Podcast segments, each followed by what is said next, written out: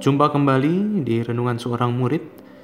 Pada hari ini kita akan bersama-sama untuk membaca dari Yohanes pasal 20 ayat 24 hingga yang ke-29.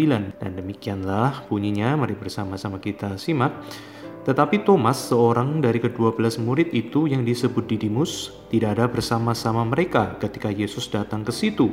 Maka kata murid-muridnya yang lain itu kepadanya, "Kami telah melihat Tuhan." Tetapi Thomas berkata kepada mereka, Sebelum aku melihat bekas paku pada tangannya, dan sebelum aku mencucukkan jariku ke dalam bekas paku itu dan mencucukkan tanganku ke dalam lambungnya, sekali-kali aku tidak akan percaya. Delapan hari kemudian, murid-murid Yesus berada kembali dalam rumah itu dan Thomas bersama-sama dengan mereka. Sementara pintu-pintu terkunci, Yesus datang dan ia berdiri di tengah-tengah mereka dan berkata, Damai sejahtera bagi kamu. Kemudian ia berkata kepada Thomas, Taruhlah jarimu di sini dan lihatlah tanganku. Ulurkanlah tanganmu dan cucukkanlah ke dalam lambungku dan janganlah engkau tidak percaya lagi, melainkan percayalah. Thomas menjawab dia, Ya Tuhan dan Allahku. Kata Yesus kepadanya, Karena engkau telah melihat aku, maka engkau percaya. Berbahagialah mereka yang tidak melihat, namun percaya. Ayat ini sering kali dikutip di dalam kehidupan orang Kristen sebagai sebuah bagian yang mengatakan bahwa kita sebagai orang Kristen harusnya percaya tanpa melihat, harusnya percaya tanpa bukti, harusnya percaya tanpa kita itu untuk berpikir banyak. Nah, ini sangat menarik sekali tetapi apakah ini adalah sebuah hal yang benar ayat ini untuk mendukung posisi seperti itu? Nah, ayat ini akan menjadi sebuah bagian yang sebetulnya kita lihat sangat menarik sekali. Ini terjadi 8 hari setelah kebangkitan Yesus. Jadi kurang lebih adalah hari yang eh, sama dengan hari ini setelah 8 hari setelah Paskah yang lalu. Nah, ini menceritakan tentang Thomas dan kita akan melihat apakah benar Tuhan Yesus mengajarkan kepada kita sebuah iman yang tidak perlu melihat pokoknya asal percaya saja. Nah, kalau kita melihat sebetulnya Kitab Yohanes justru menunjukkan bahwa penting sekali untuk seseorang itu bertumbuh di dalam pengenalan yang sungguh akan Tuhan Yesus dan dengan cara melihat siapa Yesus itu sebenarnya. Memang setiap orang porsinya berbeda-beda.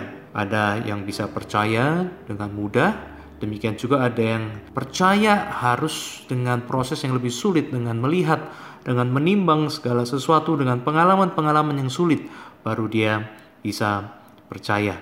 Tapi yang sangat unik kita melihat sekali bahwa di bagian ini ternyata Tuhan tidak memarahi Thomas, justru dia menjawab akan kebutuhan rohani Thomas.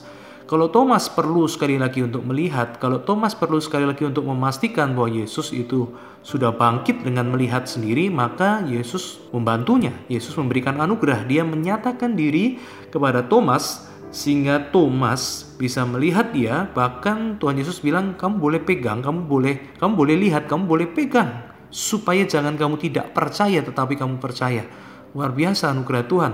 Dengan keunikan daripada pribadi Thomas, Tuhan Yesus mau menjawab. Tuhan Yesus mau bilang dan mau menjawab kebutuhan rohani itu sehingga dia bisa percaya kepada Yesus sepenuhnya 100%. Dan terbukti anugerah Tuhan Yesus ini tidak sia-sia. Karena Thomas pun akhirnya kita baca di dalam sejarah gereja adalah seorang yang dengan sepenuh hati dia mendedikasikan dirinya kepada Tuhan Yesus. Dalam melayani Tuhan Yesus dan hingga membawa Injil ke daerah-daerah yang jauh di daerah Turki, di daerah Syria sana. Jadi kita melihat di sini bahwa iman karena melihat bukan sesuatu yang salah. Tuhan Yesus bersedia untuk memperlihatkan dirinya. Tuhan Yesus bersedia untuk membiarkan dirinya itu diuji oleh pikiran manusia sehingga manusia pun menemukan bahwa dia adalah Tuhan yang benar. Sekali lagi, Tuhan adalah Tuhan yang nyata, Tuhan Yesus adalah Tuhan yang sungguh-sungguh hidup, mati, dan bangkit. Dan di atas dasar kebenaran ini, setiap orang boleh percaya dengan sungguh bahwa apa yang dia percayai, bahwa keselamatan, bahwa kehidupan yang sejati dan kekal itu bukan sekedar cerita, tetapi realitas yang nyata, seperti Yesus adalah Tuhan yang nyata yang hadir di dunia ini.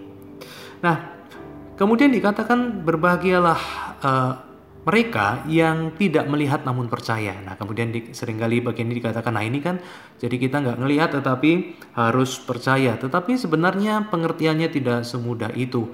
Artinya adalah mau dikatakan memang melihat, engkau melihat Yesus maka engkau percaya. Itu seharusnya seperti itu. Tetapi bisa juga terjadi engkau tidak melihat tetapi engkau percaya. Ah, apakah artinya ini adalah kita kemudian sekedar percaya asal percaya?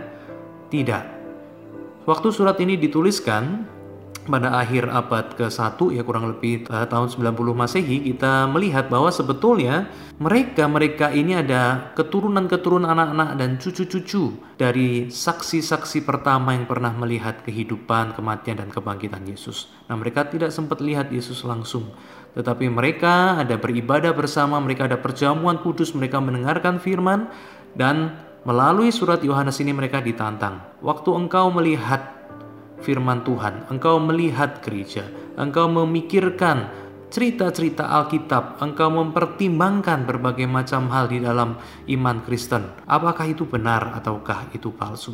Dan dituliskan bahwa di, diberkatilah mereka, ya bersukacitalah mereka yang percaya tapi tidak melihat. Maksudnya adalah bukan asal percaya, tapi berbahagialah mereka, diberkatilah mereka yang waktu baca firman mereka pikir, mereka lihat kehidupan, mereka pertimbangkan baik-baik.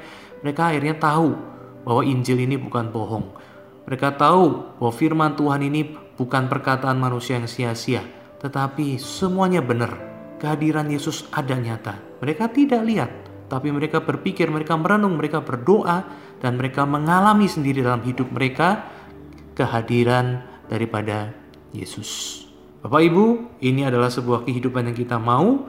Bagaimana kita itu percaya kepada Yesus, caranya seperti apa kita mungkin berbeda-beda. Ada yang harus berpikir, ada yang harus melihat, ada yang harus mendengar, ada yang harus mengalami. Tetapi biarlah semuanya itu membuat kita percaya kepada Yesus dan kita boleh mengalami. Dikatakan barang siapa percaya, maka dia akan memperoleh kehidupan.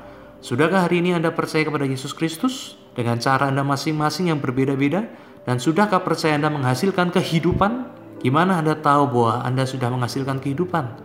Berapa banyak dalam kehidupan Anda Anda sekarang menghidupkan orang lain? Perhatikan, apakah waktu kita berbicara, kita bekerja, apakah waktu kita beraktivitas di dalam keluarga dengan orang lain, apakah waktu kita membroadcast WhatsApp, kita memforward berita-berita, kita posting di website, kita sedang melakukan rapat online, pikirkanlah Apakah itu yang kita bagikan adalah kehidupan, pengharapan, kekuatan, ataukah itu adalah kekacauan, provokasi, berita-berita yang tidak jelas, kebingungan, ketakutan, ketidak ada pengharapan. Marilah kita boleh kembali buat hidup kita menjadi berkat. Banyak orang membawa kehidupan bagi banyak orang. Kiranya Tuhan berkati iman percaya kita, iman yang sungguh, iman yang berdasarkan kenyataan, dan iman yang sungguh-sungguh menghasilkan kehidupan di dalam hidup kita. Tuhan Yesus memberkati kita sekalian. Amin.